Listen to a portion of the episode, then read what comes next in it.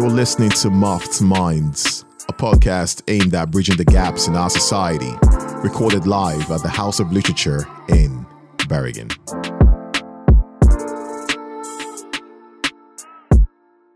Hey, and welcome back to Culture Stigma Black Women in Mental Health. We're truly excited and so blessed to be able to sit here again and have a part two of a conversation that we had in March. Um, this event is hosted by the African Student Union at the University of Bergen and also collaborated by, with, with Meeting of the Minds and the Literature House. Welcome.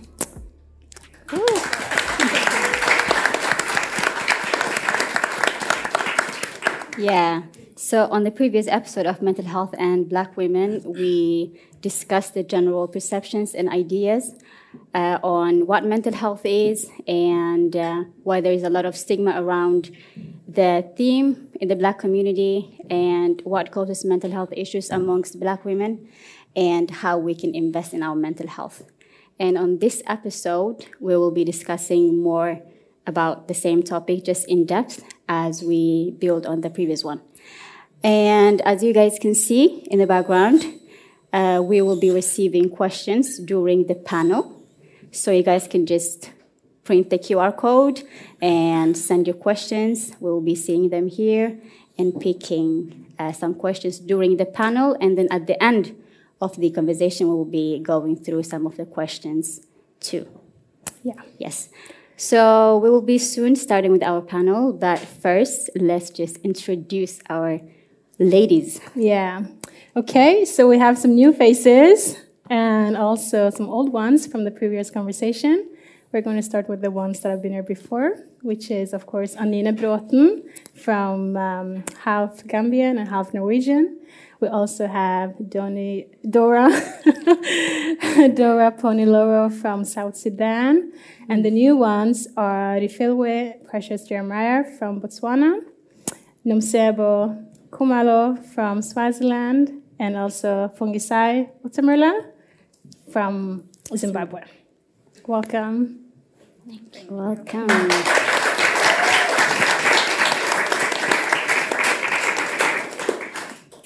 So, thank you, ladies, for being here, making time to be here, and to be a part of the panel. So, we'll just open the panel. It's a question. The first question is for everybody, and here it comes. Can someone be having mental health issue without being aware of it? Bufil, where do you want to start? okay, I'll take it. Um, yeah, a lot of people do have mental issues and they're not aware of it. Uh, because whenever, first of all, everybody go through a bit of stress and a bit of stress is good to push somebody to accomplish their daily activities and everything like that.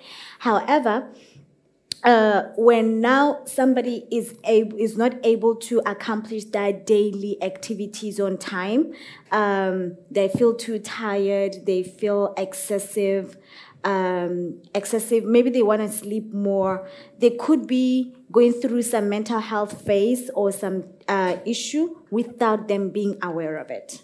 And sometimes it takes somebody to shake you off to say, "Hey, I think you have a problem." Hmm. Yeah.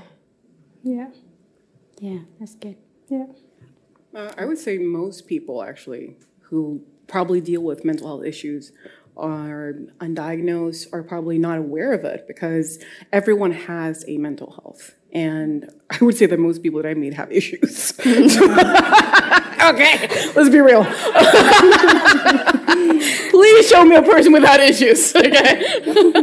uh, I would say that most people probably don't know that they do deal with things, even when it's serious. You know, I think that, for instance, mm. um, depression can be seen as just, oh, I'm really sad all the time, I'm mm. really angry, right? So, or anxiety can be, oh, I'm just stressed all the time. Mm. So I think a lot of it goes unrecognized because we don't necessarily talk enough about it. So obviously, you're not supposed to symptomize everything and make everything into an illness. That's not good either. But I do think that most people uh, who, who suffer from some issues do, probably don't know that they mm. do. Yeah. Good. Mm. That's good. I would say I would say it's it's true that for the most part we we are not aware. It's an awareness issue, and also naming things what they are. Hmm. If I don't know what I'm feeling, I'm going to give it a different name. Hmm. So I'll say I feel tired, Hmm. or I feel anxious, or I just feel annoyed.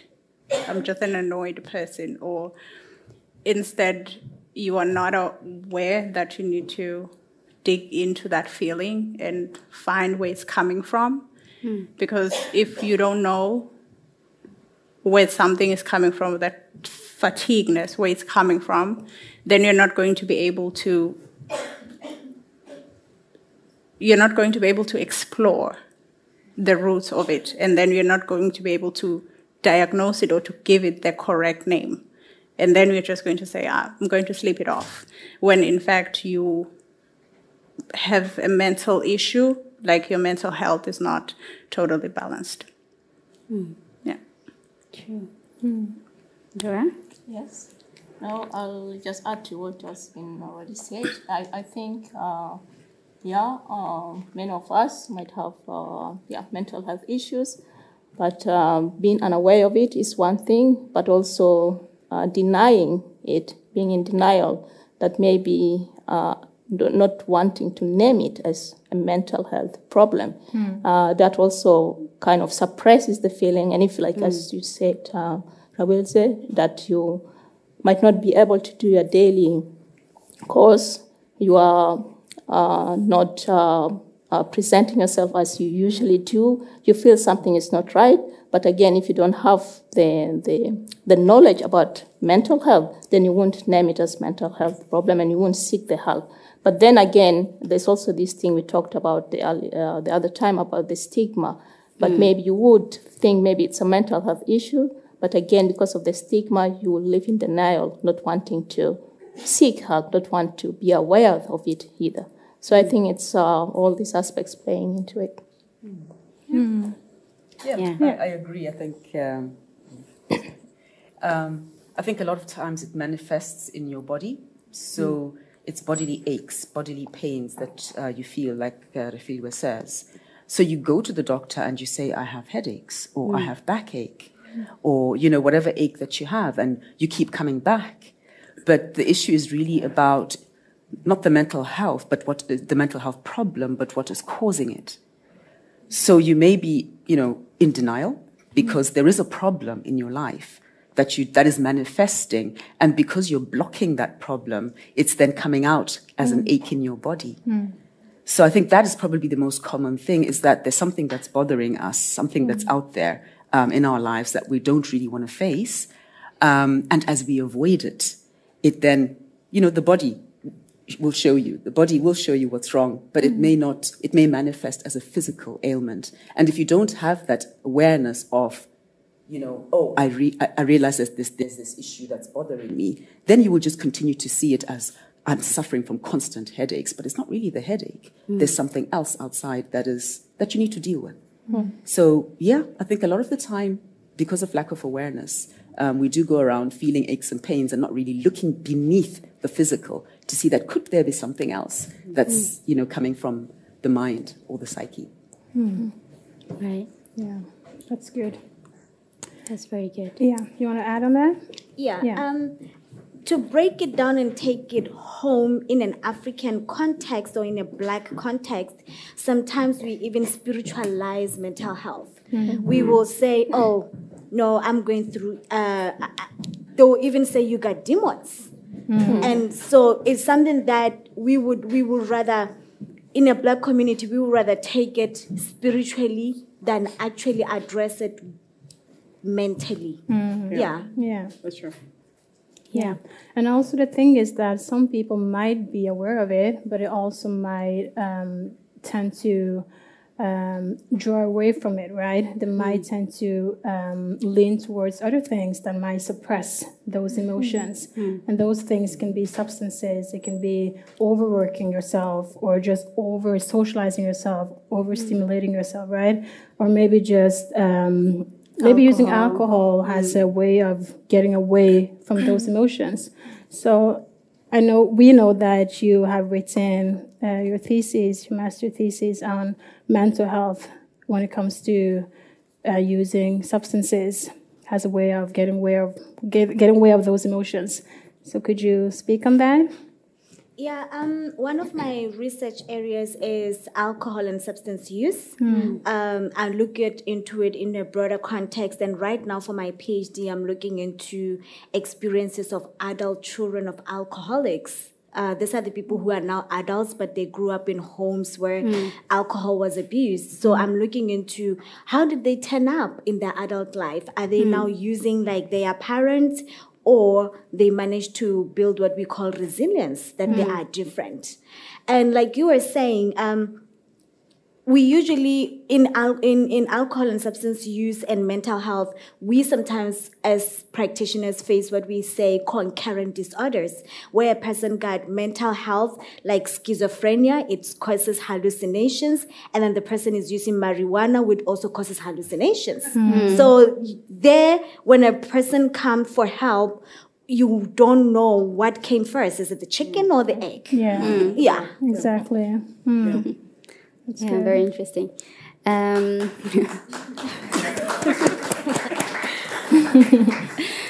yeah, and you guys were into that though. And Nami were saying about living in denial, people knowing what they have, but then living in denial. But then it's uh, the others were saying too that not being aware of it, taking that I'm just having a bad day, right? So now that we're discussing about that, if we're gonna draw a fine line between having a bad day and having a mental issue, hmm. how would it be? How would that line be? Anina? I I would just say that, I mean, obviously I'm not the expert here, but in psychiatry, it's, it's basically like when it's something is so, it's, it's affecting your, your life so much that it's actually becoming a literal problem. That's when you need to address it because everyone can have a bad day. Everyone can hmm. be angry. Everyone can be sad. Everyone can be stressed. Sure. When it becomes a continuous issue and is not really, you know, going away by itself, it's probably something you should look into. But because it's the difference between having just a bad day and then it becomes weeks and then it becomes months and, you know, and if it's really, really affecting your life and your ability to live your life, that's when you really need to look into it. Yeah. Good. So, Dora? Dora? Yeah, I, I would agree with her. And I think it's, it's, it's as she said, you know, everyone has a bad day, sometimes in between. But if you have a bad day, 24 hours, seven days a week, every month, then it's a problem.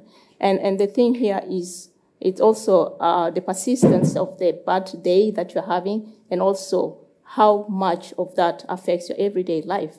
Uh, you know, it's like uh, I work with young people, and then you see it's like uh, mapping them out, seeing that if, okay, maybe a day or two they haven't been sleeping well because of the traumatic experiences that they're having.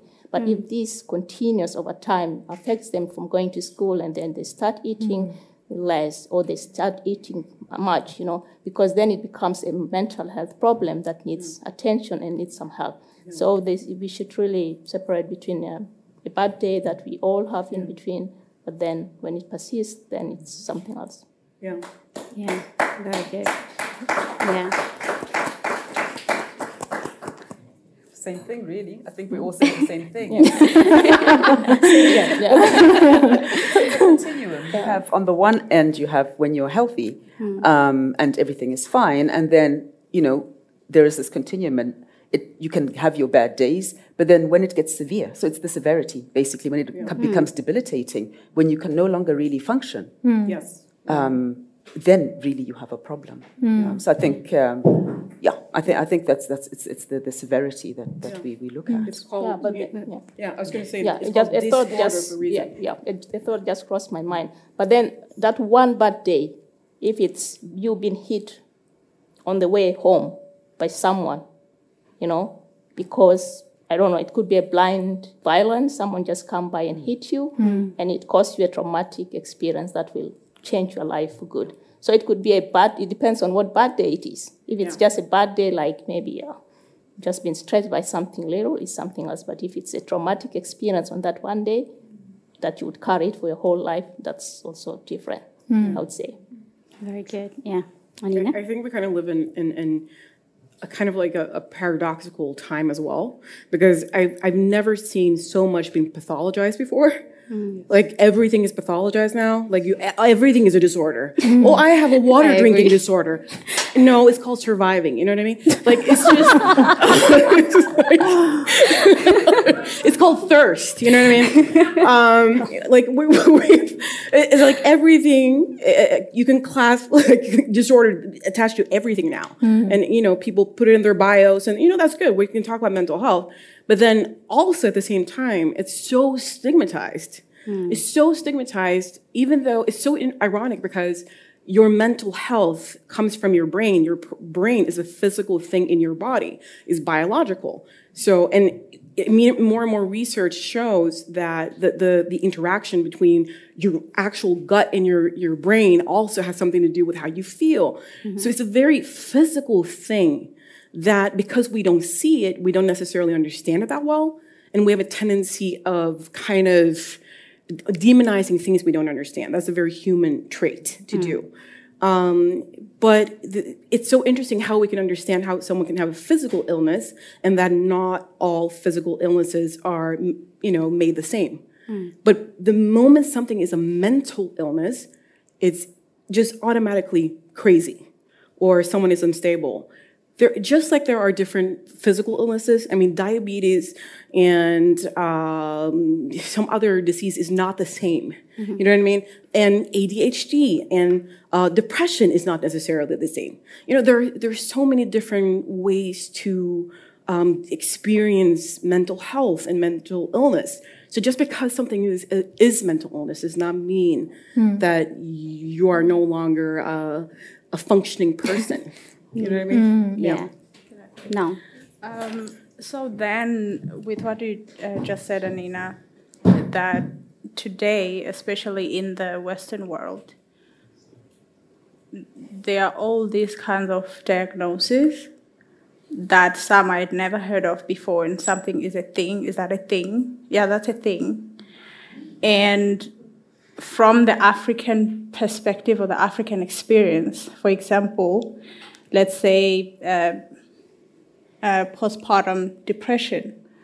It's like, what is wrong with women today? I have had 12 children. What are you going to tell me about postpartum depression? You understand? So it's like sometimes it's a struggle of how do we accept that this thing is a problem that is so common for everyone else? And then to me, it's a problem now. When did you discover that that is a problem now? And how do I begin talking about it and to whom? Mm-hmm. Because if I'm surrounded by the same community that I am from, no one is going to hear me. And if I say that, then yeah, you are crazy. Mm. And so how mm. how do I get through it? Mm-hmm. Yeah. Yeah. That's a good question. Um, I think it starts, it starts first with awareness. Uh, awareness and then also educating people about some of these issues. Like as she's saying, my grandmother will say, I had 12 kids. My mother will say, I had four kids. And how come you just had one and you claim you have? You are not coping. And especially with the expectation that as a black woman, um, I'm supposed to go to sail through it. Hmm. Smooth sailing. It's, ex- it's an expectation that I have to be a mother when I'm a hmm. woman. Hmm. So I believe it takes education to just show them to say, things have changed. And even our family setup have changed. We grew up our parents grew up with so much strong extended family that as we are much into nuclear family that when issues happened sometimes i cannot access and be open to my mother. It was going to be easy when i talk to my aunt and my aunt may bring a different perspective that my mm. mother does not bring in and the mm. support and the and how things are done. And nowadays, with where we are now not only surrounded be, being just a, a mother, we have other roles mm. that are in we are carrying as well. So we it takes awareness and it takes them uh, it, it takes to show the our, our families to say, but this is what I'm going through. Mm-hmm. And if I'm not able to be given enough assistance going through this, I will not be able to function even after being a nurturing mother. Mm-hmm. Mm. Yeah. Because it's, I, I am so happy you brought it up because it's so common now. I don't think it's common, it, it wasn't there before. It's only that now we are aware of it. Mm. And now we have a name for it. Yeah. Exactly. Yeah. Exactly. Yeah. Fungisa? Yeah, I think it's it's really interesting because we talk about how we as Africans or our African cultures need to be to be educated, to be made aware. Do we should we think of why why we are the way we are now? Should we not consider what has happened to us as a people and the role, for example, of colonialism? Because I often think that we have lost a lot of knowledge that we had before because what we knew and how we did things was demonized. Mm, true. We were made to be uncivilized, to not know anything. Mm. And we did have ways of dealing with things because these things, some of, a lot of these things existed. A lot, a lot of these things have arisen because of the conditions in which we live in now mm. and because of how our cultures were completely, you know, a lot of our cultures, a lot of our ways were taken away and were destroyed and were distorted. Mm. So I think we also need to keep that in mind is that who are we? And what have we lost? Yeah. Mm. And not just subscribe to the Western way of thinking and the Western diagnoses. Yes. Mm. So I think I think we need to kind of bring this a little bit into our conversation. I know it maybe sounds a little bit far out, but I really mm. think it's a very important aspect for us to be aware of, and to not just jump on the bandwagon of, Yeah. of all these diagnoses, but also to think where do we come from and who are we and what did we know. Definitely.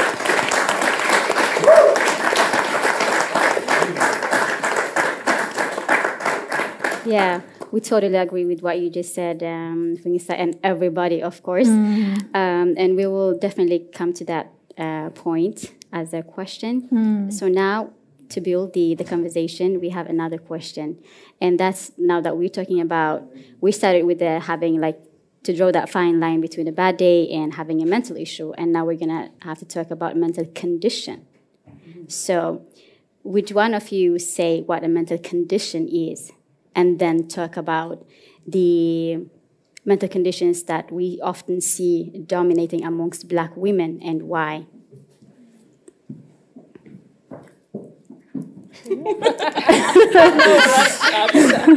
Dora. Oh, we are the experts. I wouldn't know how to. You're I wouldn't know how to if there is a, a scientific uh, background to that, a mental condition or mental conditioning. I know from my experience that for the black woman, she is pretty much conditioned to that what we call then a status quo of the black woman, which in fact is not really who she is. She was made or she was built or conditioned to be so. And I think it was talked about in the last um in the last talk on the the picture or the ideal of the strong black woman. So if you are not that, then something is wrong with you. Something is broken in you. In you, you are malfunctioning. Hmm. So if you need help or if you ask for help for something so simple, then you are weak. So then you have to, when you come to that awareness of what is actually normal for me or for my mental health, is it normal for me to believe or is it normal for me to accept that what um, what are the stereotypes of uh, strong black women? Is it normal for me to accept, for example, um, abuse? Do I have to be strong for that? Where do I draw the line between different experiences of being strong and mm. also helping someone abuse me, right? Mm. So it's it, it becomes even that questioning or even that awareness by itself becomes a problem because you have to question everything you have been conditioned to believe or to accept or to mm. know up to that point.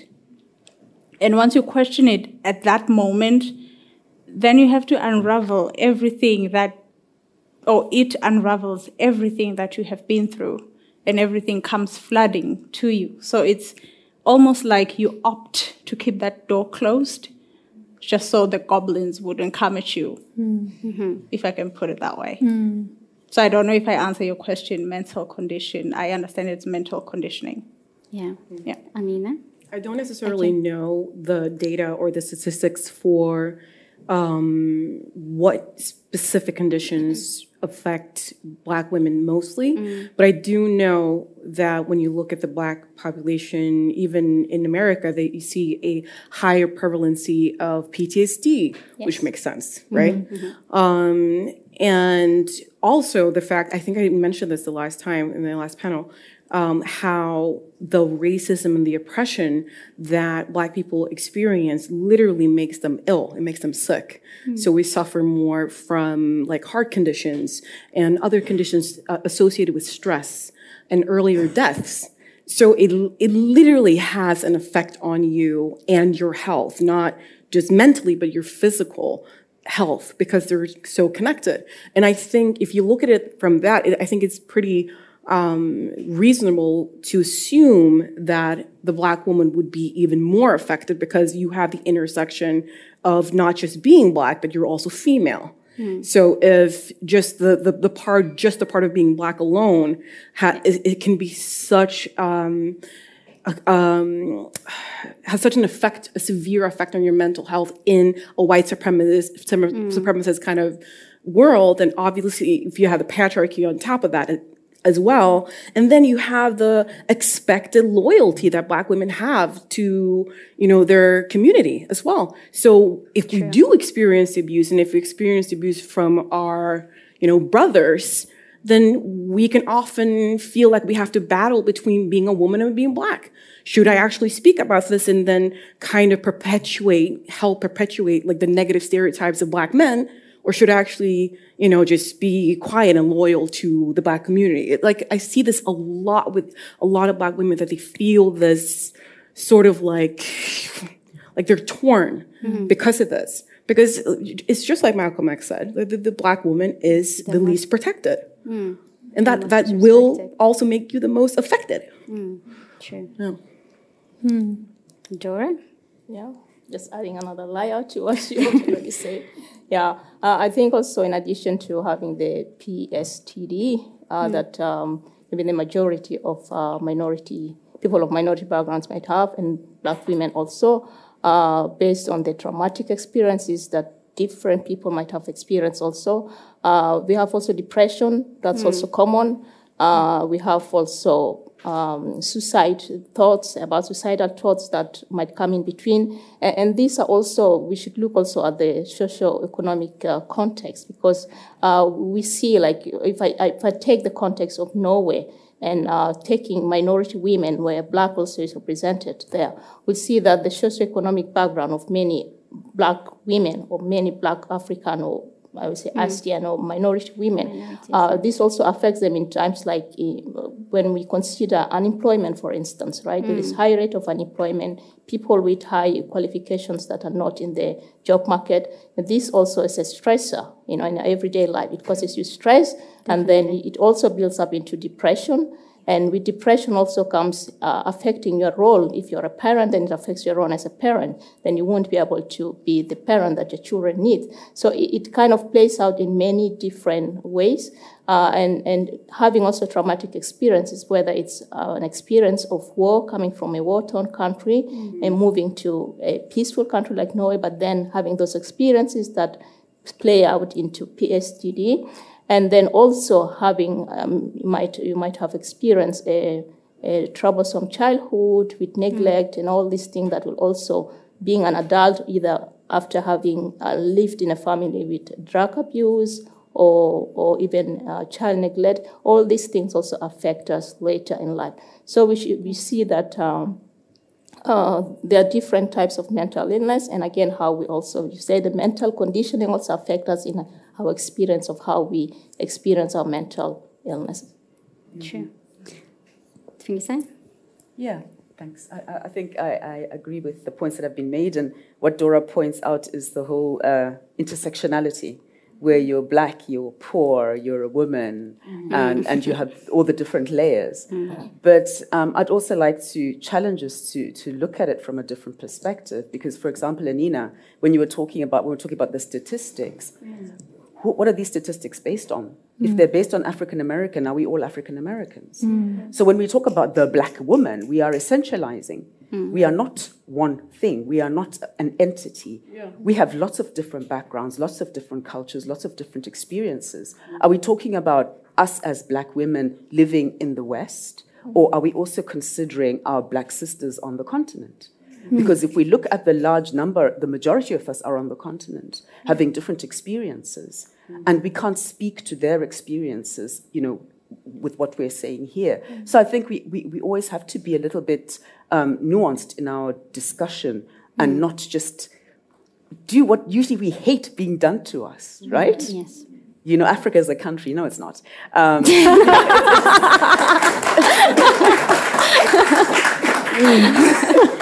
It's not. the black woman is not one thing. Yeah. Mm. And it's very important that we remember that. And f- my, my research focuses on what strengths we have. Mm. So I'm always going to come in from that perspective. Mm. So when I hear, you know, I know these are realities the PTSD, the depression, the abuse, but we are more than that. Mm-hmm. So sorry, I'm going to keep disrupting.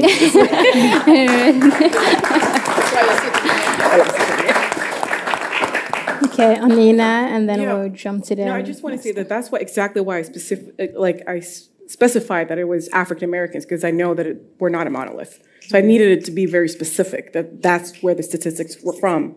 Um, but also, I completely agree with you. There are so many incredible things about being a black woman. I mean, hello, uh, but hello, uh, but okay, um, but. but but but I also think that um, I think it's really it's, it's such a hard issue to broach because because of this stereotype, you know, like the the the the strong black woman, right? So you never it's like you can't it's almost like you can't win in a sense because you're either the strong black woman or you're like the this tragic black woman. tragic So there's no in between. You know, I am strong and I'm also gone I've gone through a lot of tragic stuff. You know what I mean? And and and some of it is related to being a black woman, very specifically.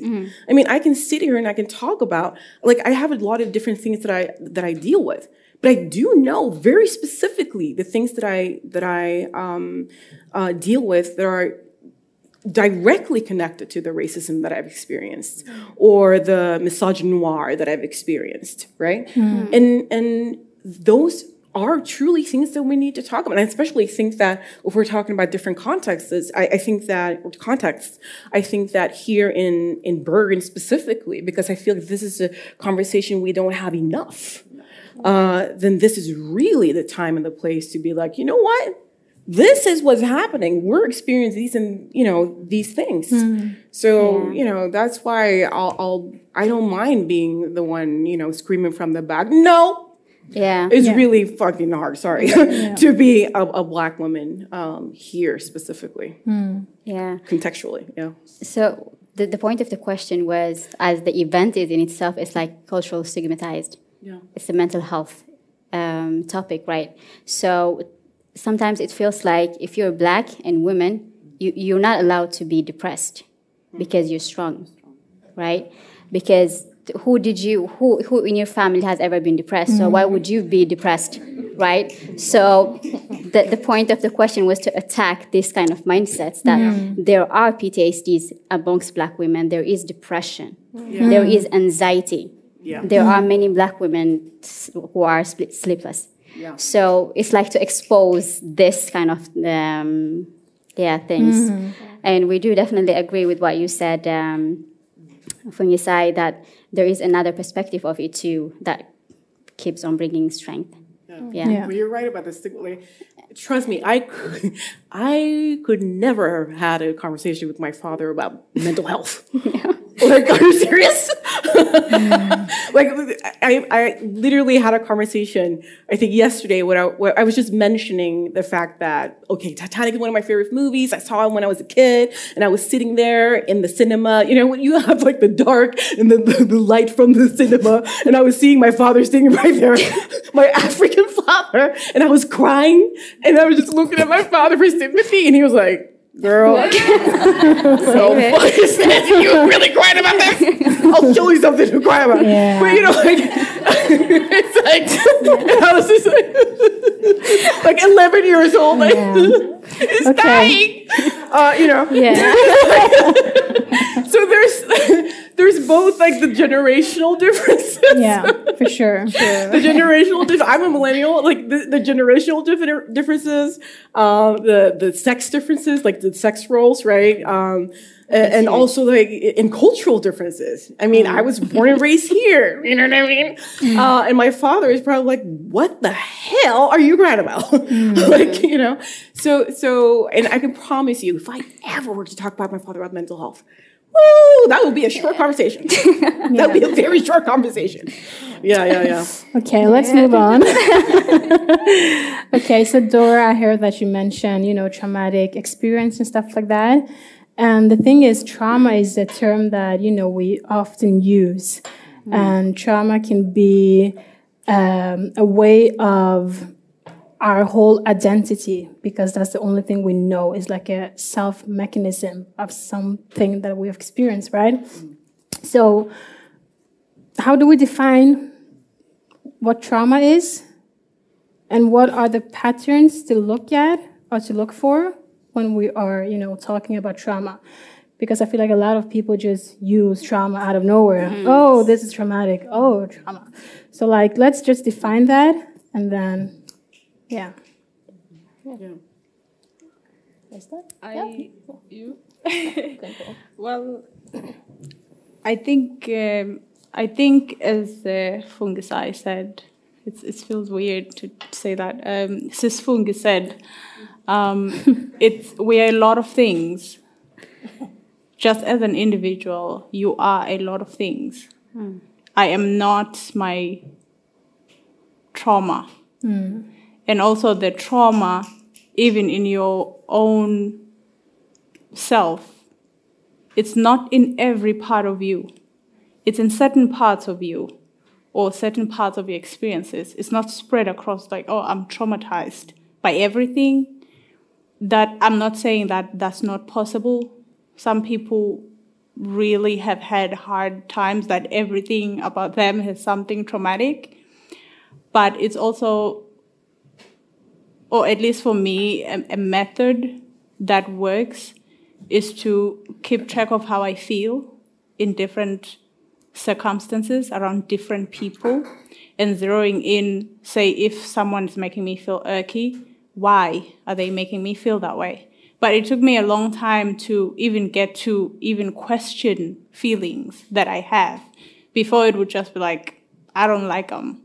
Hmm. But now it's why, what mm. is it about them that makes me feel some type of way? Mm. And then you realize when you map, or when I map mm. the why going back, then it's linked to some one experience somewhere, even if it was one, even if it was multiple, somewhere when I was eight, or somewhere when I was 15, or somewhere when I was last year, or whatever. But it's my point is we are a lot of things, as uh, Sisfungi said, and it's important to also with the trauma to avoid it being a buzzword because then Yeah. we will have conversations that are meaningless. Yeah. To put it where it belongs, Yeah. same as our emotions, to put them where they belong, so we can be able to diagnose them correctly in the correct context within the correct parameters. Yeah. Dora? Yeah. Um, I think trauma is a, is a deeply distressing or deeply disturbing event or experience that someone has. It could be a, yeah, being in a car accident with someone that you loved and you lose that someone. That's a traumatic experience that you would live with a long time after. And it could be also, like I mentioned, being knocked on the street while you're walking, someone just come by and knocked you, uh, blind violence, violence, or if you lose a child or have some really disturbing experience that you've had. For some people, it would take maybe a year, a month, and they will get over it. But for others, it might take many or a lifetime. And, and after that, that's where you get the PSTD. It comes after because it's post-traumatic stress disorder, right? Comes after a trauma that has ex- one has experienced. and with that, you need help to be able to, to, to, to, to treat the symptoms, to be able to treat the feelings and work on that. And for others, you would need maybe medication and, and really medical help to do that. And, and with um, traumas also, it got, gets triggered with, if you, for instance, um, a child that has been abused uh, and in the house, maybe there was uh, abused or driven away with a red car. Whenever the child sees a red car, he starts crying. He starts a trauma. It gets reactivated, and that's how also our traumas get reactivated because it's there in the brain. It gets tra- uh, uh, triggered out with the experiences that we live every day. So the traumas that we have depends on also the level and how hard, how tough it is. It gets uh, activated in between. Yeah. Indeed. Yeah.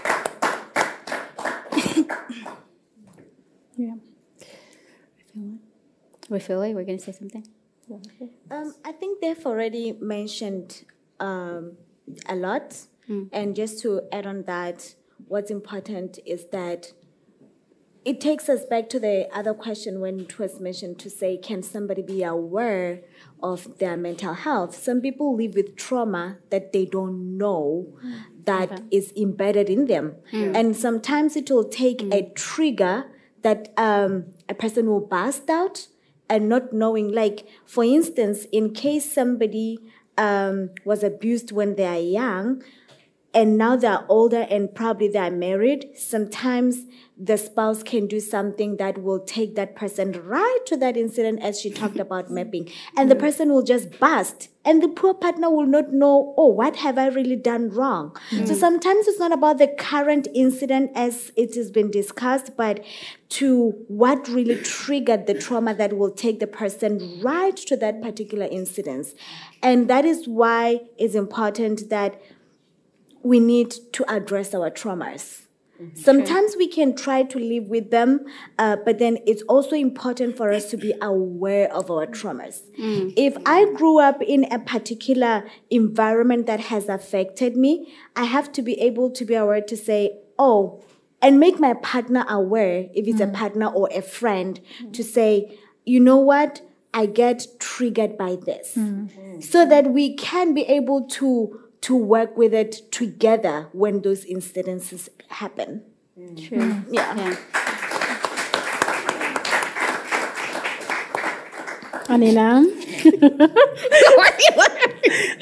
Um, I was going to say, um, I think it's I think it's important to remember from just from a psychological perspective that usually when you have these disorders that will are basically responses to trauma or something that you've experienced maybe in your childhood or in your life, they can usually be useful for a shorter period of time. If you grew up in an abusive household and you start becoming uh, controlling of your environment, blah, blah, blah, blah, because you're growing up in a chaotic environment, that's useful. But when you get out of that context and you're still in a need of control all the time, it becomes maladaptive.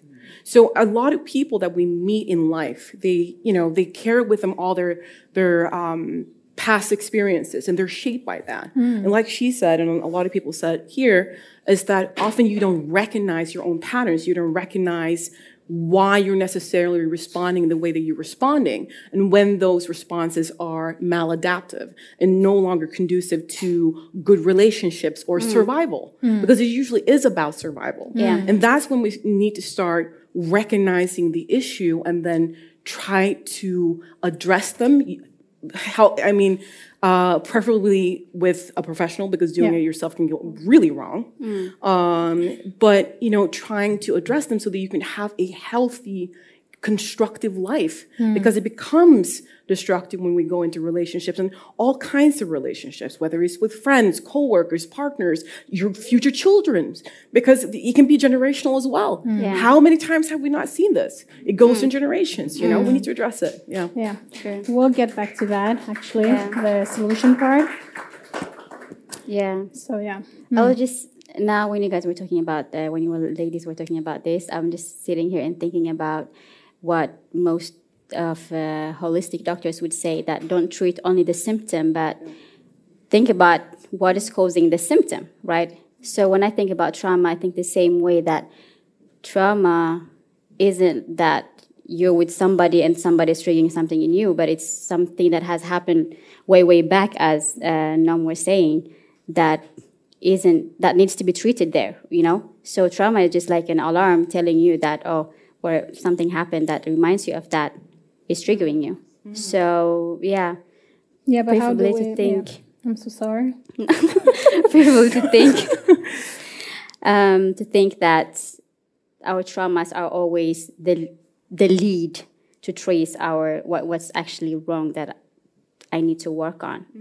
Uh, and I think you guys did very well on talking how to trace it, and as you said, to preferably doing it with a therapist. Yes. Yeah. Yeah. So yeah, um, my next question is that now when we talk about trauma, what we associate is as we were saying hurt, right? Something bad. Uh, now I'm gonna go back to you, Fungisai. That how can we, you know, can we? Is there any ways to use our trauma for our benefit or to make them as a resource?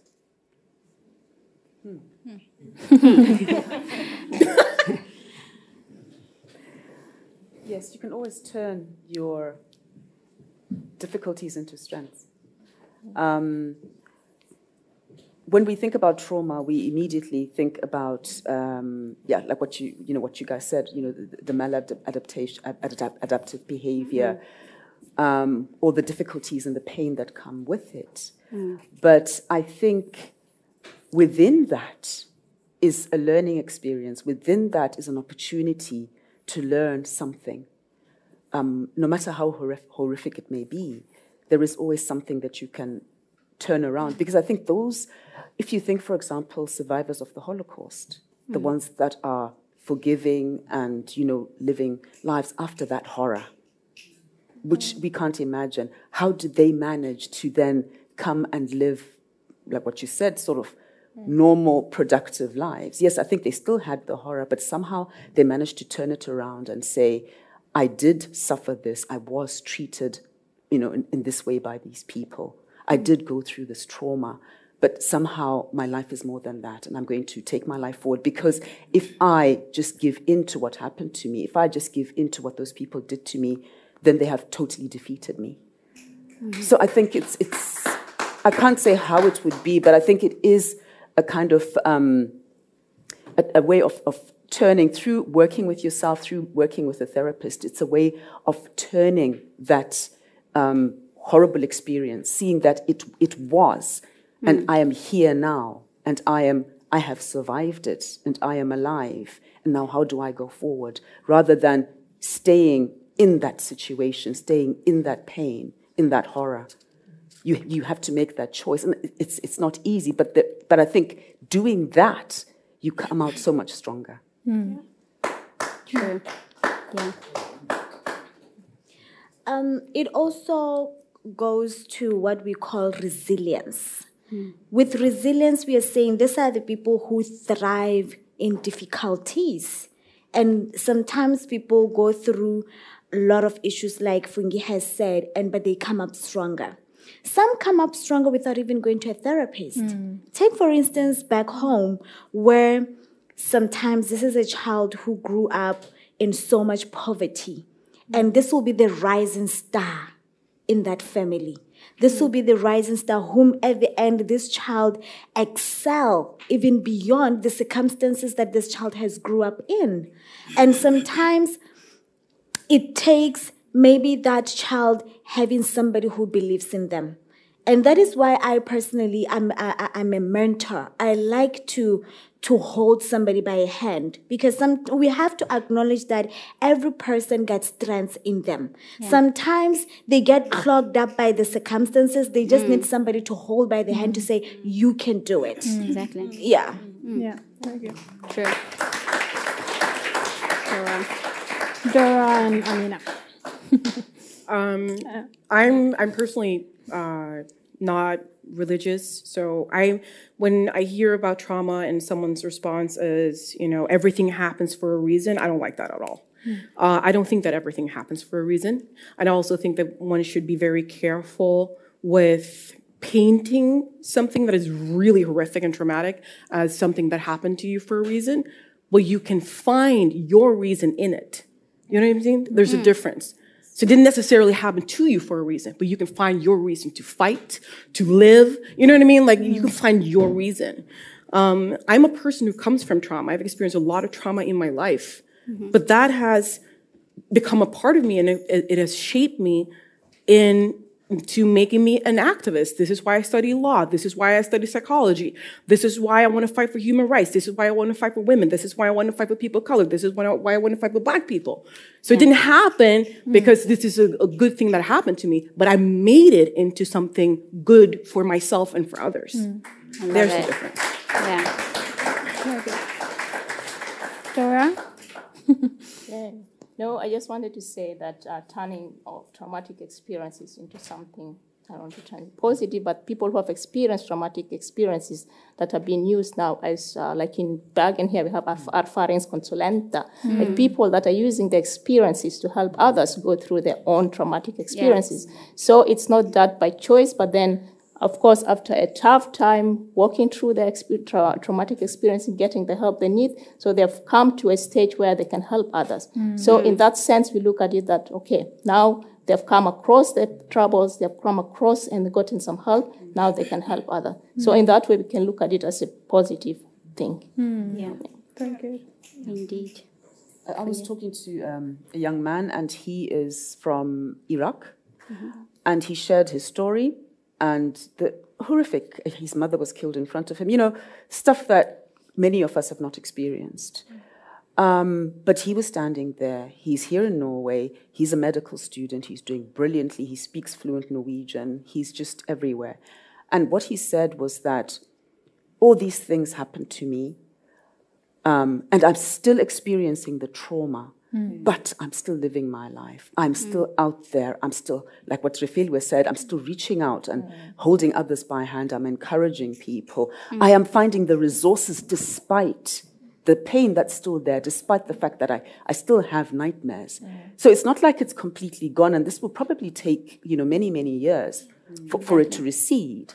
Mm. But he says, I keep going and I smile and, you know, I, I- I keep working and I keep building myself and I keep gathering my resources. Mm. Um, but that does not mean that I don't have the trauma. So it's not an either or. Yeah. Mm-hmm. I think this is what we need to remember. It's not mm. like you've got your trauma, you need to get healed, then you'll be okay. You've got your trauma, but you can still live Live your your life. life. You know. Mm-hmm.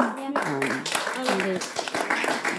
The audience is wild. Namseva. Uh, yes, I, I think um, we we are all saying the same thing. I'm going to say the same thing. so, um, in that we can use, we don't invite trauma. We do not wish trauma on people. Some people thrive out of it or they get the help they need, some do not. So it becomes a human condition that we are all still trying to understand and trying to address, hence this conversation today. However, I will also say, allude to the same thing that, say, for example, it may not be the first hand of the experience that is giving you trauma. It may be an experience that is triggering you in a certain way. And having done the work or having been aware of what trauma is and your emotions and your feelings, you are able or you can be able, though it is hard, to decide in this moment that is triggering you in some shape or form that I will not have the same experience I had the first time I went through this. If it's an experience, for example, that makes you angry or that is frustrating to you hmm. or that is leaving you feeling helpless in some form, you can, with the help again, because we do need a community, a friend, someone who understands, you can be able to say, I am going to feel these emotions. I'm not going to negotiate myself away from them. I'm going to feel them, but this time not in vain or not from a helpless point, but I'm going to direct them at something that I want to accomplish. Mm. If I feel insanely mad, but then again, I'm aware that in this present moment, I'm a bit helpless. How can I make myself not helpless? How can I empower myself such that when such a thing happens again, because you know it's going to happen again, I'm in a different position. You hmm. channel that experience into making yourself better. And it's in that sense where you can say in retrospect, I needed that experience or that trigger to, to fire my behind in a way, or to get me off, or to get me started. You know, and in that way, we are able to use a triggering experience or a traumatic experience for something good for us. But then again, we can say that, oh yeah, trauma happens. Uh, um, just find a way out of it. It also takes strength. It takes resolve. It also takes a community. Yeah. It does, definitely. Yeah. Um, I was just going to say, I think it's also important to, I think it's so important the things that you say about making or doing something, taking something constructive and making it into something constructive. Um, because I think it's really important to remind people that even if you are struggling with mental health issues, it doesn't mean that you're broken, mm-hmm. okay? It doesn't mean that you're broken. It doesn't mean that your life is over. Mm-hmm. You're never going to be everything that you want it to be. Like some of the greatest people ever were people who struggled with their mental health. Some of the greatest geniuses were people who struggled with mental health. Mm. And some of the greatest people were people who overcome adversary. Mm. Sometimes actually, you know, going through these things in life makes you have see the things in a different perspective that can help the world and not just yourself, but moving forwards. Mm-hmm. You understand what I'm saying? Mm-hmm. Yeah. So remember that you're not broken just because you're struggling. Mm. Mm. Yeah. Totally true. Yeah. Um, on what Nam just said, that what you feel, you feel, and it can make you feel really, really bad. But then with time, you learn that okay, this power of feeling, you can use it into something. So um, back when I was in high school, I um, I remember that when I was going to apply for videregående, um, I was called into the counseling office, rådgivning.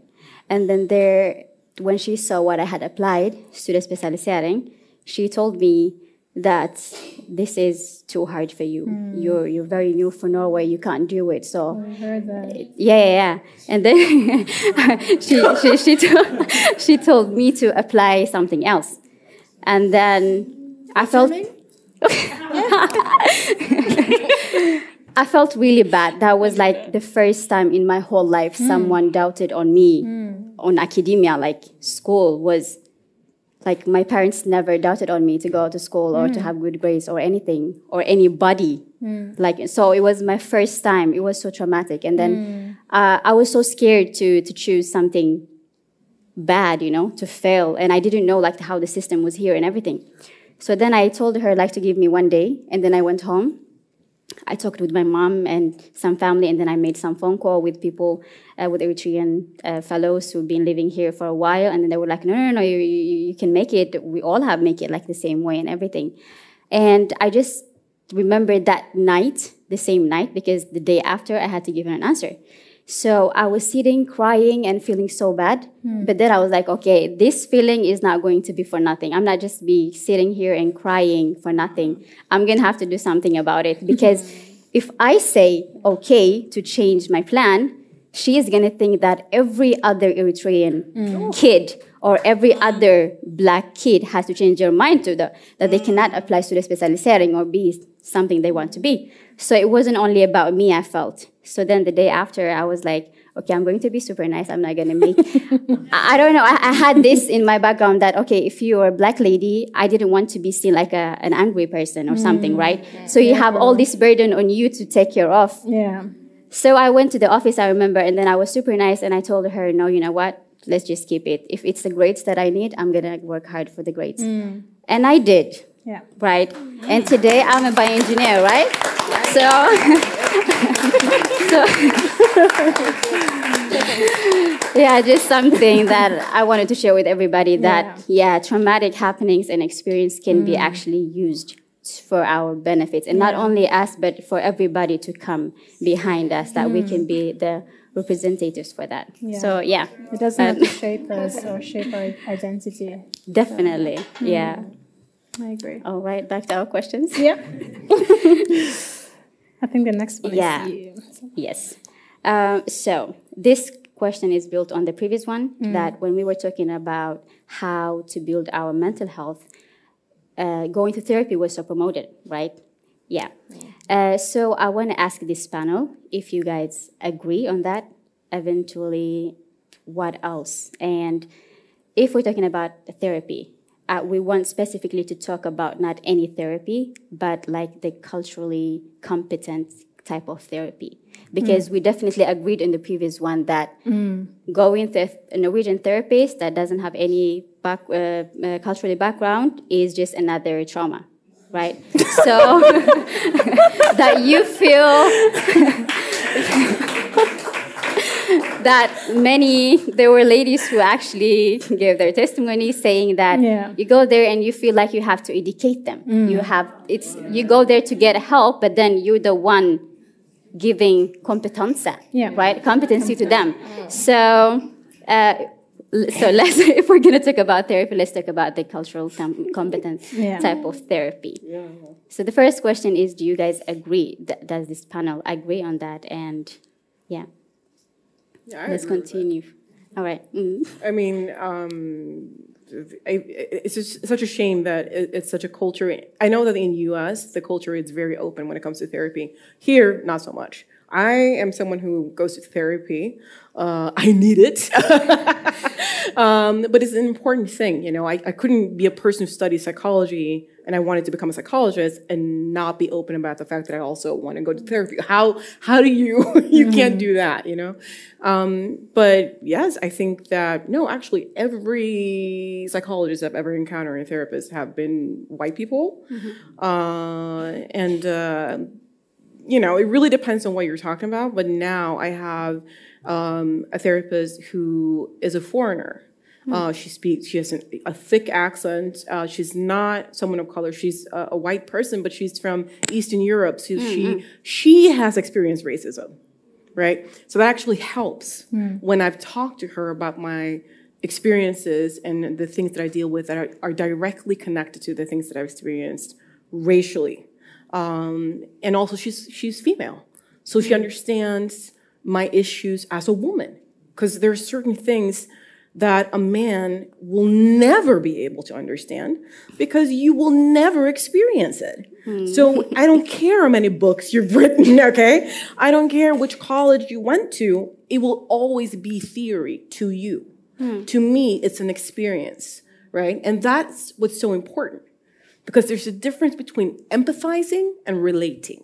Exactly. And relating gives you insight that is so crucial to understanding that when we talk about things like that, like you said, we don't want the added, I have to come, you know, um, explain something to you. And then you have that on top of it. I just want to tell you and you understand me. Exactly. Mm. You know what I mean? So yes, I think it's important. Yeah. But is there like, is it a criteria? Like, does the person or does the therapist has to be the same gender or has to be the same ethnicity or ha- you know like what are we looking for when it comes to a therapist you know? I, I mean, it goes to everybody Yeah, I was going to say mm. like competency, obviously, but Yeah.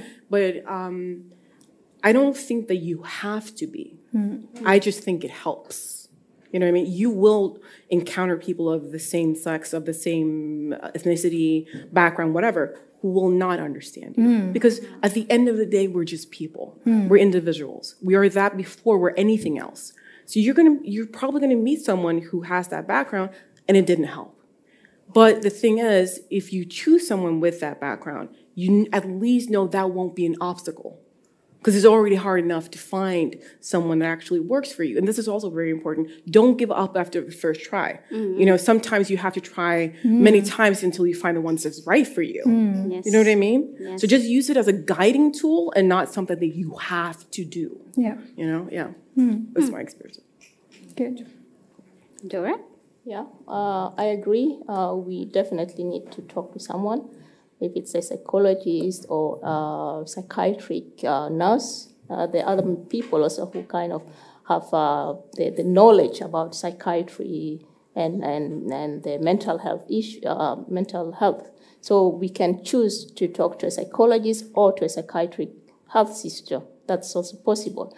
So I think it's important to also uh, see the competence that the person is culturally competent. That's one thing, culturally aware, but that should not be the criteria and a stop to getting help. Because you could really find someone who will be genuinely interested in you and will be able to help even more than someone from your ethnic background or from your yeah, country. So we shouldn't put that as a you know, like criteria because I've known many people who have gotten help from someone who's not from their own background, but they're genuinely interested. and as you have said, sometimes maybe you have to educate them. Yeah, tell them how you want to be, how you feel, and and maybe like after two or three times, then they'll be able to understand you better. So I agree with you that we shouldn't give up on the first uh, appointment. Maybe that won't be, you know, as you wish it to be, but don't give up. Just continue, and you might maybe have to educate them as well. Tell them how you do it in your culture and how you experience what you experience. So we shouldn't really give up. And unfortunately, there are not so many psychologists, African psychologists in Bergen or in Oslo. Yeah, They're not. the. So if you have to look for that, it'll take you many years. and if you have to, um, yeah, but that, that's a reality. So we shouldn't really limit ourselves and and uh, yeah, get the help that we need from the person that we can relate to, the person that understands us, and the person that see us as humans. That's the most important thing. We need to actually wrap up for Q&A, but I have one more question, and that is for those who do not choose to go to therapy, like for those who maybe are uh, afraid of going to therapy and that fear is like the barrier for them actually seeking help because it might be for various reasons either we've heard that many people or many mothers in Norway are very afraid of going to therapy because they're afraid of the children being taken to the you know child welfare system. And also there are other people who are afraid to go to therapists because of they might be wrongly uh, diagnosed. So like what are the options for those who do not choose to go to therapy? Yeah. Um, first of all, I would like to say, as much as um, a person can bleed, uh, break their hand and the hand bleed, and it get bandaged, so are our emotions. Um, I like to give a scenario like that to say we need help. Whenever our emotions are bleeding, we have to attend to them. We have to attend to them. And it's something that we need to to get into as black community as black women to say it's okay not to be okay. Hmm. Let's start from there. It's okay not to be okay. And it's okay to say i think i need help this time. Yes. and if a person feel that they will not want to go for therapy, um, let's go to how we were raised up. I'm hmm. still going back to talking to an auntie. Hmm. I need somebody that I can talk to. Back then, that's how it was so therapeutic for us. That's how in our communities, the, the, the, the cousins, the uncles, and we even know that uh, back in the days that even when a, a girl enters puberty, sometimes it wasn't the actual mother talking to her, it was the younger, uh, younger sister to the mother who will sit that girl down and talk life to her. And these are the people that we still have. We may not have them here in Norway with us, but thank God we have um, we have technology. We have WhatsApps. We have social media that we can connect with them sometimes where they are. One thing that is important is let's seek help. Somebody's help maybe um, in a religious way. If a person feel that them going to church, talking to the pastor is therapeutic for them, let that person do so because definitely it will still help them. Yeah. Yeah. Very good. Yeah. Um, well, I was uh, going to comment to the previous question with cultural competence, and now that you have touched on it as well, that when we speak of, or when I understand the way I understand cultural competence, it's it of course basic things as maybe the gender of a person or the race they are from or where they are from. Because you can be say for example a black woman but you were born and raised in norway. So there are things you know i don't know. There are things i know you don't know. And there may be clashes in understanding. Mm. So it extends also beyond those physical appearances to also beliefs. Do you understand that there are different beliefs. How do you help somebody say a religious person coming into your office as a, thera- as a therapist seeking help? How do you address or how do you speak to that strength in them? Because their belief is their strength as well. How do you empower that? So it it it in some communities especially the religious or at least this is my experience especially the religious uh, sector of our society, we do become incredibly closed to how we define human experience. And we do not often want to admit that it is a human experience. And it was when I was going to ask, um, I don't know if I have a right to ask, but after all these checkboxes and cultural competence, where does being a hu- how do we define you being a human to the other person as a therapist? Hmm. Because that is, for me, that is fundamental. You can check the boxes, but if you're going to book diagnose me, I'm going to feel like I'm talking to a machine. Hmm. I want a human experience. I want to be felt. I want to be understood. I want to be heard. So, how do we measure that? Yeah.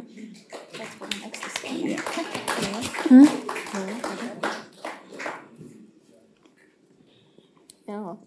Uh, no, you mentioned about the fear of, of, of seeking or getting help uh, because of uh, either if you're if you're a parent um, uh, losing your children, maybe the fear of that as well. Was it one the question you had? Yeah, Yeah. the children going to the you know child welfare Yeah. system because um, maybe the mother is too harsh or some, stuff like Yeah. that. Mm. Uh, if yeah. they see a therapist that they might be you know getting themselves involved in the system that how much will they be sharing with the system because going to therapy and then not being able to share what you want to share is not no point on going to therapy right Yeah, Yeah. yeah. th- th- that fear is there. It's a genuine fear, uh, but then it's also a limitation to to the help that you would get because many parents, unfortunately, you see that they need help. They they are struggling mentally, but then they then seek help because they think if they do that, they will risk losing their children. But in the course of not seeking help,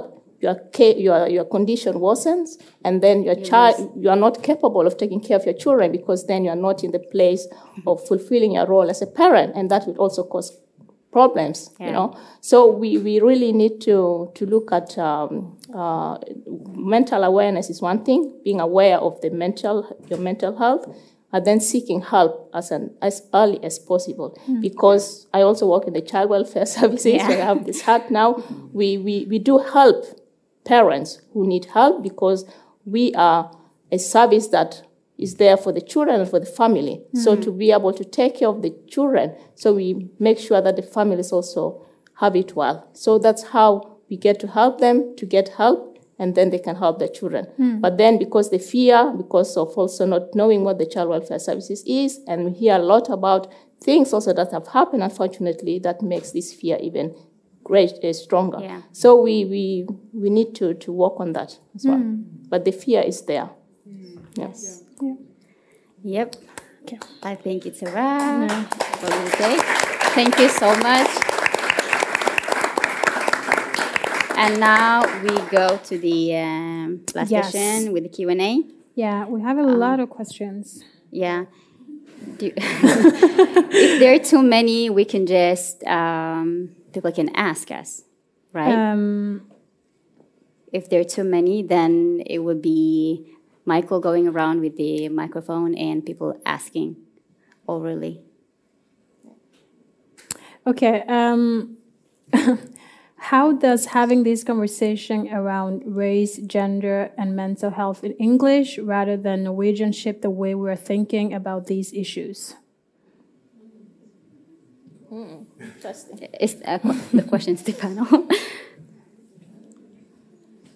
I I would say, um, being someone that doesn't speak Norwegian, of course, and also has a bit of understanding of Norwegian, language is a very important factor into how we define anything.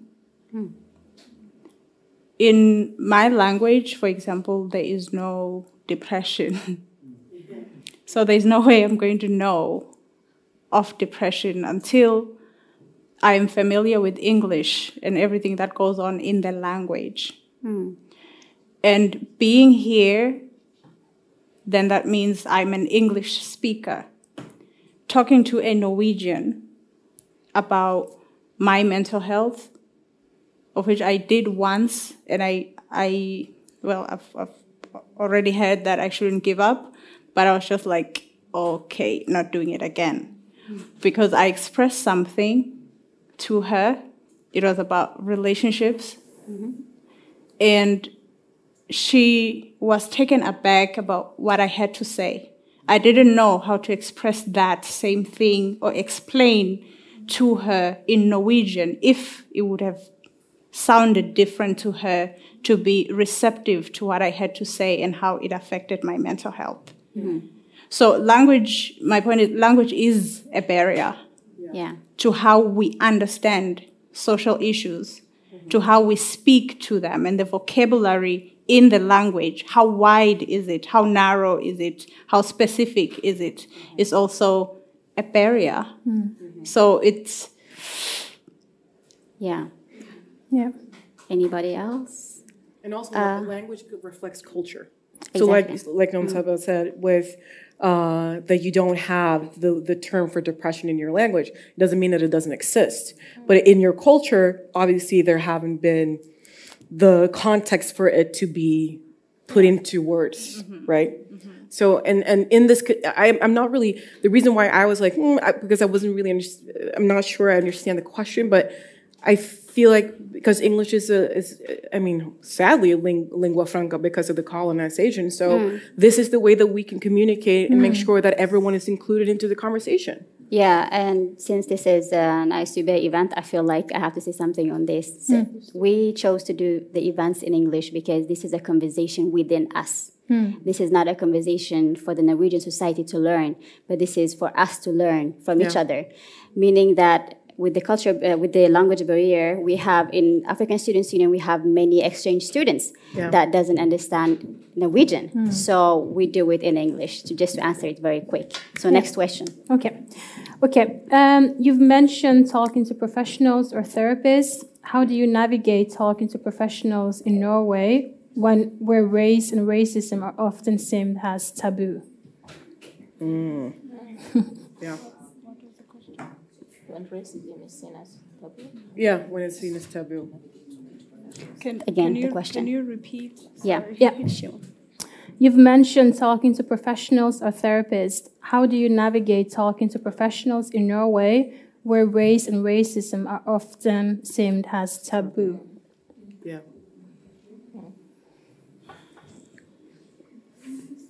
I mean, Nobody? I guess. I mean, I think it's I think it's important that, like like both Dora and I said, I mean, um, a good therapist can come in any shape or form.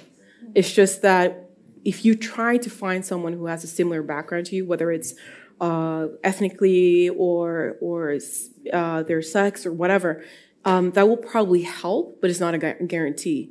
But obviously, if you ever encounter a therapist who does not understand you and the things that you're experiencing, which are very real, racism is very real, hmm. sexism is very real, whatever you're struggling, is very real. So if you ever encounter a therapist who is essentially gaslighting you, gaslighting is basically making you doubt your own reality, your own perception of reality. Hmm. And if you're experiencing someone who doesn't have the same background as you, who is saying, "Well, are you sure that's racism?" You know what? Bye. Uh, uh, there's uh, don't. you are there to get better, not to defend yourself. Yeah. Know what I mean? And unfortunately, we live in well, don't misconstrue me. We live in a majority white country, so you're, most of the therapists will be white. Yeah. Um, but fortunately, now we see a lot more. You know, there are more generations. My generations have become psychologists and therapists. So I know of people who have an immigrant background or who are ethnic minorities who are psychologists. So there are people out there just just don't give up you know fight for yourself don't give up after the first one or the second one for that sake like dora said sometimes it can take years until you find the best therapist but you're worth it you know but don't take any from from anyone you know Yeah. Absolutely. Refilwe? Um, I still go back to how I elaborated relating mental health to physical health. That as much as we can get hurt and we need help in our physical health and we go and see a medical doctor, so are our emotions whenever we need to attend to them. Mm. When you go and see a, a, a, a physician and you have a cut, they keep on bandaging it and it doesn't get better, you go and seek second opinion. So as is mm. mental health, it's mm. okay to change therapists mm. Yeah. because you feel that no, this one is not assisting me enough. Don't feel that when you have gone to one, you have to be stuck there all the time. Hey, just like in case you get a bandage and then you, you see that no now i'm about to lose my hand it's going to be amputated. Let me seek second opinion. So as is mental health. Yeah because sometimes you get stuck and you stay in there you're going to get more damage than get help. Yeah. yeah. This is Yeah. very true. Very true. Next. Yeah.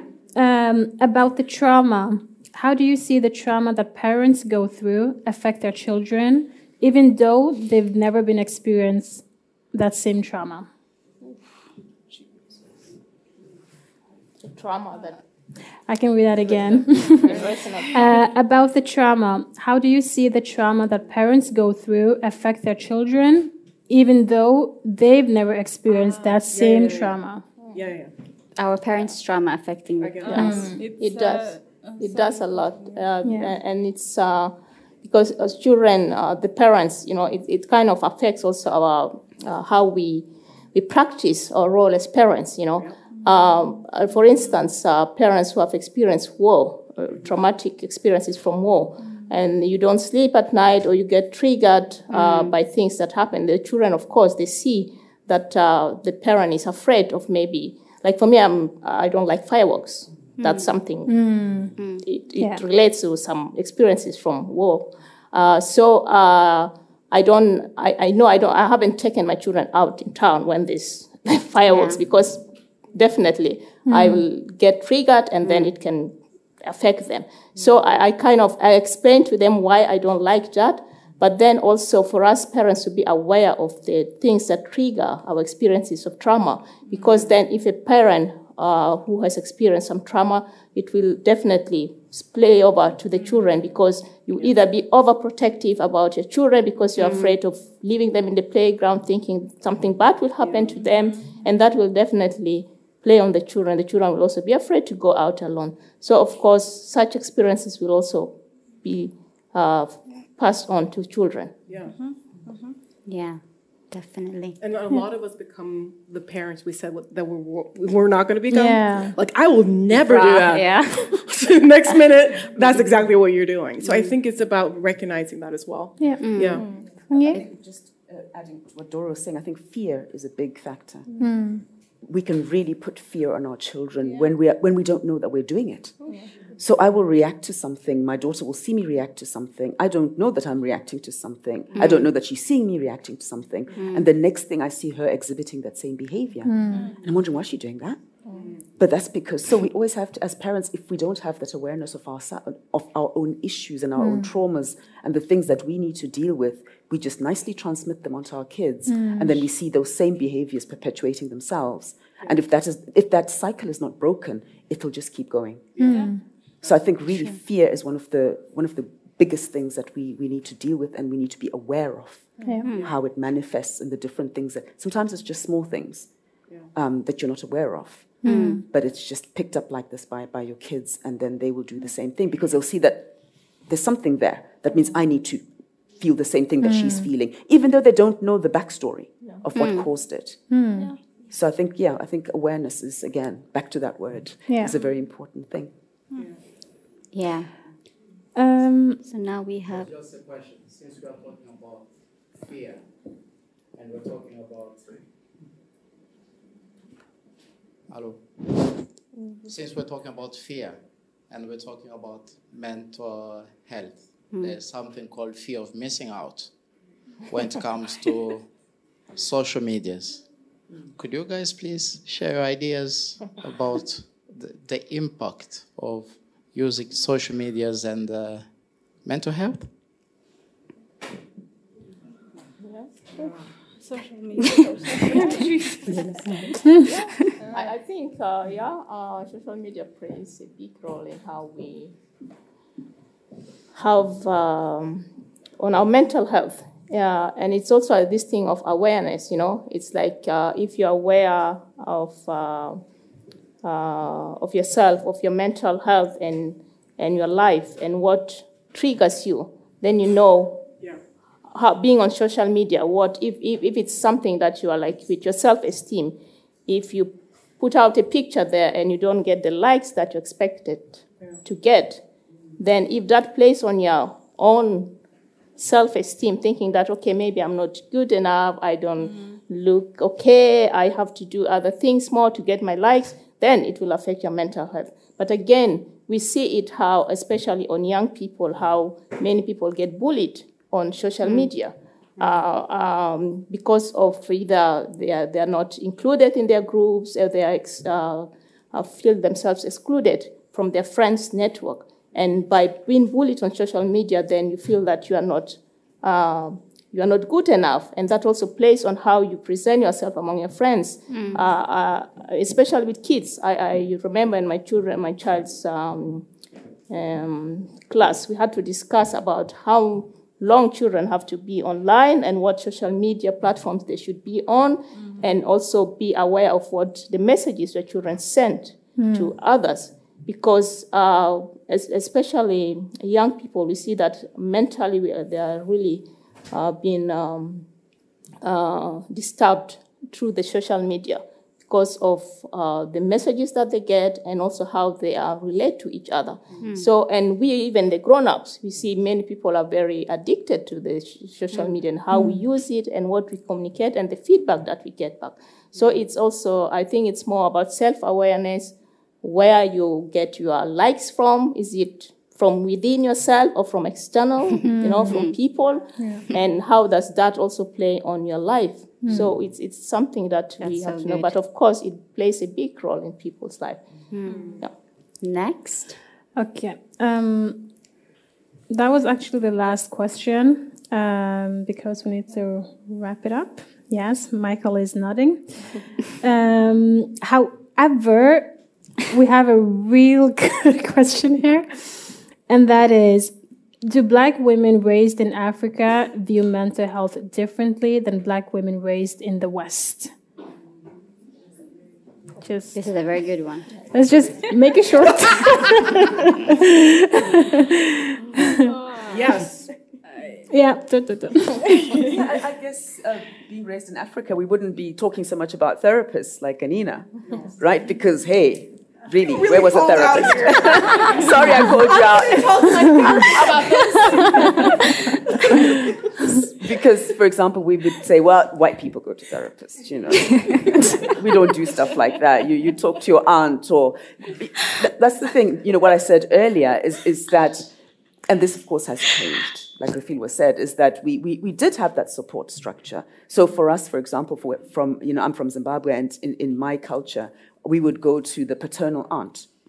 Those are the ones that you, you would talk to. Those are the ones that advised you. Those are the ones that kind of told you and taught you, especially once you came into puberty, co- mm-hmm. told you about life and what to expect and the difficulties and, and, and how to deal with things. There was this advising, you know, this counseling um, that we had. So there was no need to go in a way outside. And of course, the family is big, right? It's very extended. There was no need to really go out there. I'm not saying that these aunts were perfect. Some of them were really not, and their advice was really not good.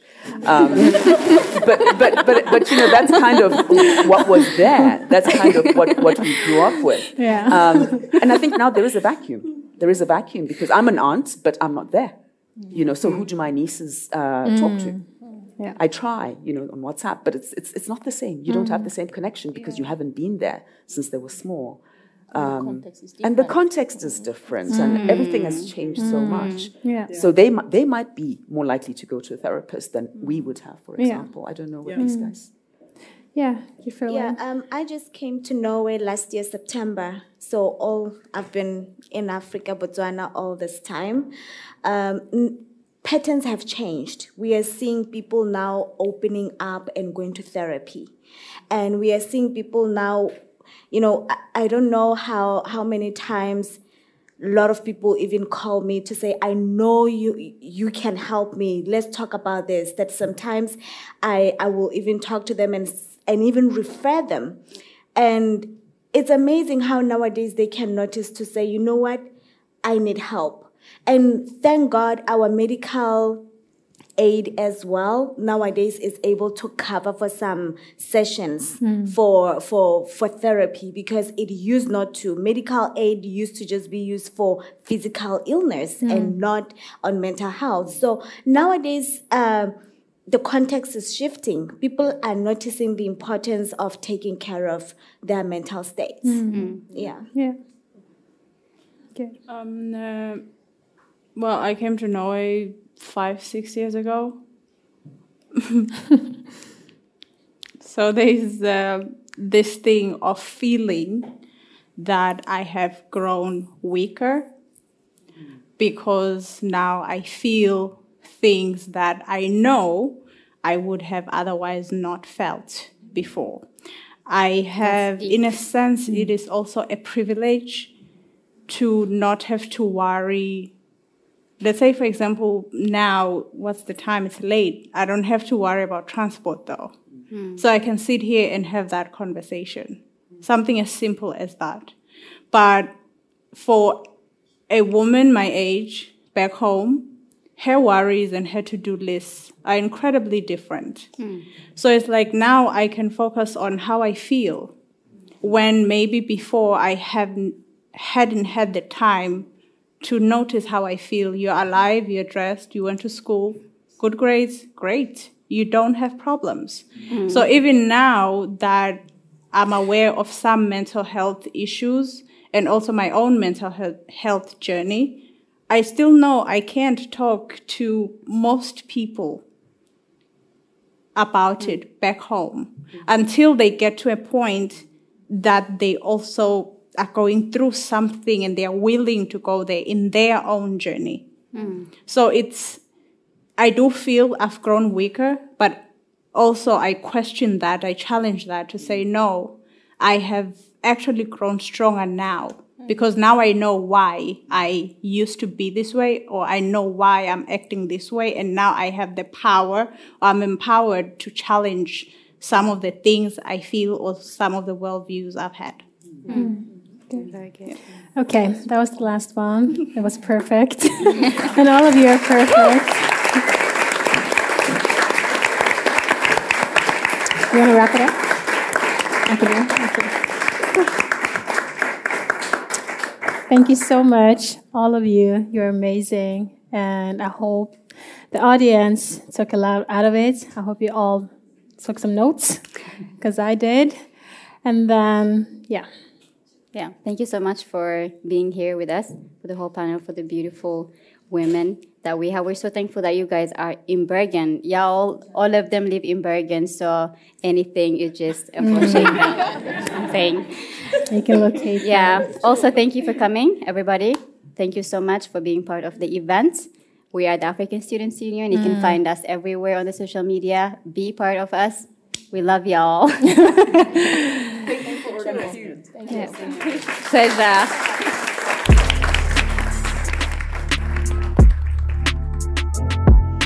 This Meeting of the Mind podcast is brought to you by Slam Poetry Bergen in conjunction and collaboration with the House of Literature in Bergen.